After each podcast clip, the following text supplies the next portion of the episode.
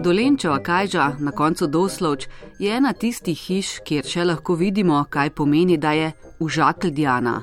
Prav na to domačijo, v leseno hišo metano z apnom, se je v drugi polovici 19. stoletja priženil Franz Finžgar.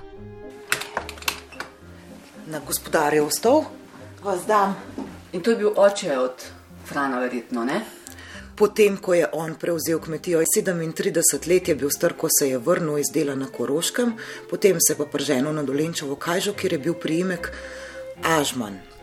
In tako v hišo Franc ni prinesel le priimka Finžgar, ampak tudi obrt krojaštva, oglarstva in še številna druga znanja, pravi turistična in muzejska vodnica Petra Kržan. Od komatarja Ugajane za seva doma sem. Usedli so se prav v tisti kot, v katerem je najbrž stari Finžgar nekoč šival svoje znane ovče kožuhe in irhaste hlače. Zelo dobro mu je šlo v svojem poklicu, tako da si je lahko privoščil tale šivalni stroj, ki ga še vedno hranimo na dolenčevi kajži. Pisatelj se spominja enega kmeta, ki je prinesel vrašal na tehlače očetu za zašit, pa mu je naročil, lepo te prosim, Francel, da mi jih na roko zašiješ, ker jaz temu tvojemu peklenskemu kolovratu prav noč ne zaupam.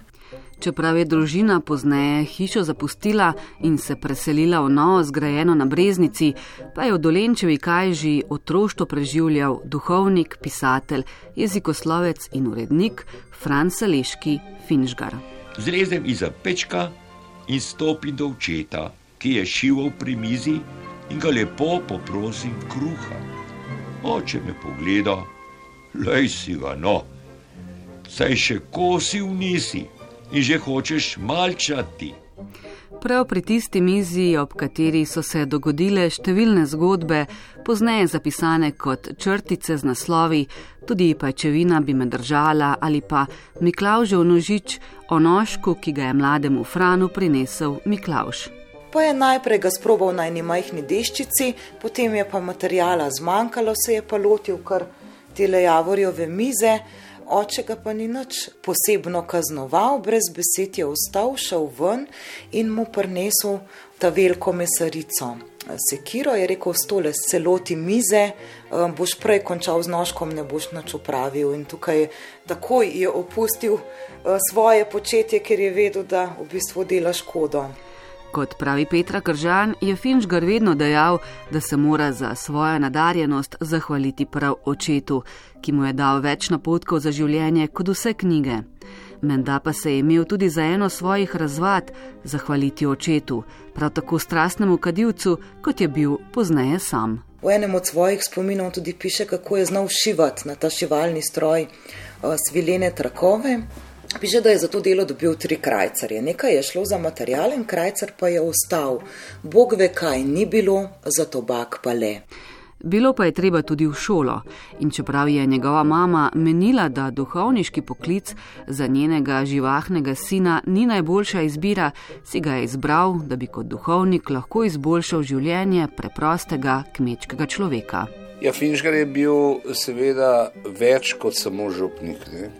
Bil izjemno napreden in vidimo, da je bil izjemno nadarjen tudi, da je skiciral ureditve določenih stavb, gospodarskih poslopij in tako naprej. Narisal je načrt za prvo slovensko gorsko kočo na planini za listcem.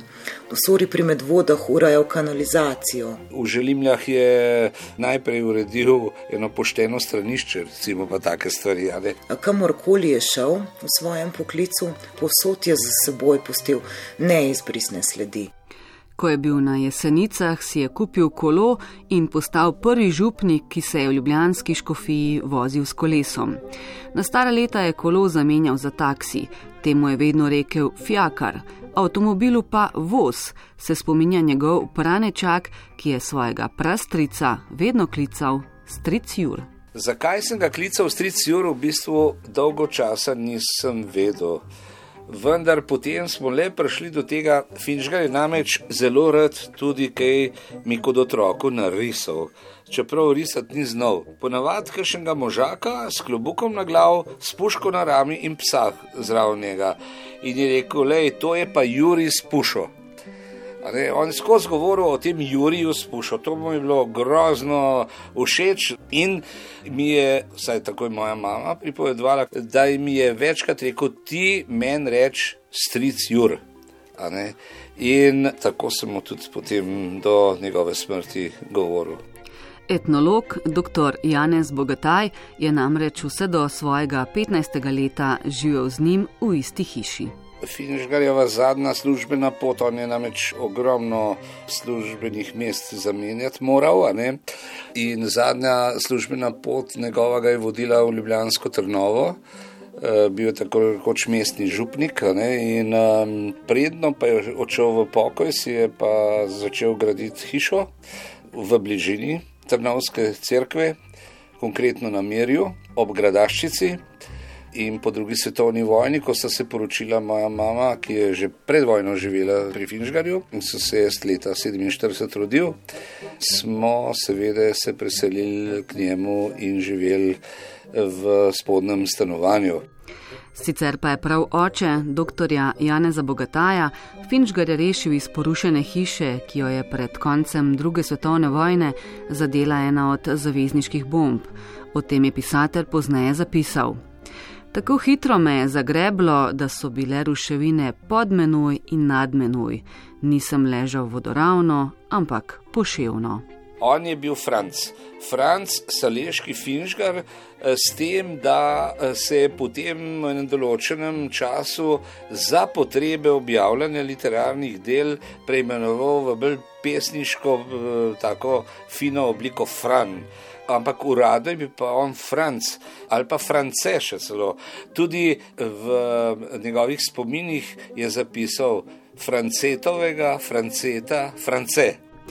Fran oziroma Franc je bil tudi hud tarokist, tudi za denar in tesen prijatelj z Izidorjem Cankarjem. Rad je zahajal v naravo, v planine in se večkrat vračal tudi v rodne kraje, v Kašarijo, pod stol na Gorensko. Tam se ga je prijel vzdevek gospod Hudournik. V Ljubljani, ko se je na vlaku sedel, je še sijalo sonce, ko se je pa proti Gorenski pripeljal, so se pa že zgrinjali temni oblaki skupaj in preden je pripešačil do svoje koče Murke, ki si jo je sam postavil v bližini planine Zelenice, tule pod stolom, ga je že ujela kakšna nevihta in ljudje, takoj ko so videli, da Finžgari stopa iz vlaka v žirovnici, so hiteli pospravljati seno, kajti Finžgarjem je bil znak slabega vremena, tako kot hudourniki gorske lastovke, ki ob slabem vremenu priletijo v dolino.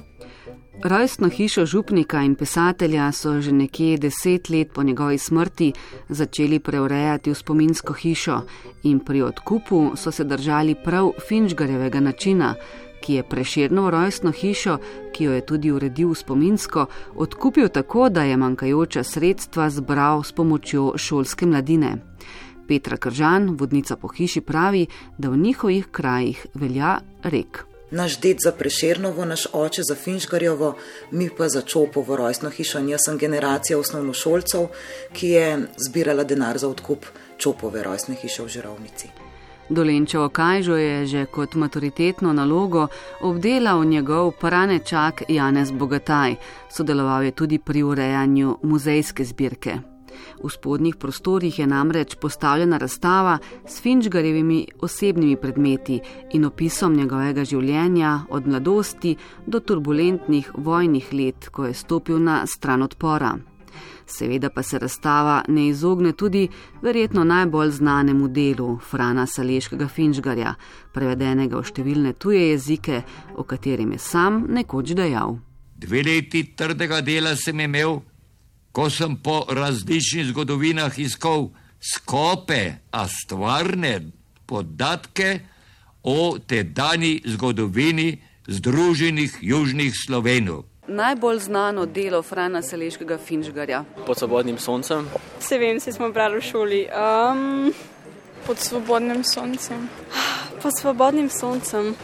Pod svobodnim soncem. Jaz močno upam, da vsaj to Finžgarjovo delo pozna velika večina slovencev, prevedeno je tudi v mnogo tujih jezikov in zanimivo, da je Finžgar um, po prevodu pod svobodnim soncem v angliški jezik celo prejel klic iz Amerike, iz Hollywooda, iz MGM studiov so ga klicali, če bi lahko po njegovem romanu napisali scenarij in posneli film. In do snemanja ni prišlo. Preprosto zaradi tega, ker je Finžgar zahteval, da morajo vse glavne vloge igrati slovanski igralci, ampak američani jasno na to niso pristali.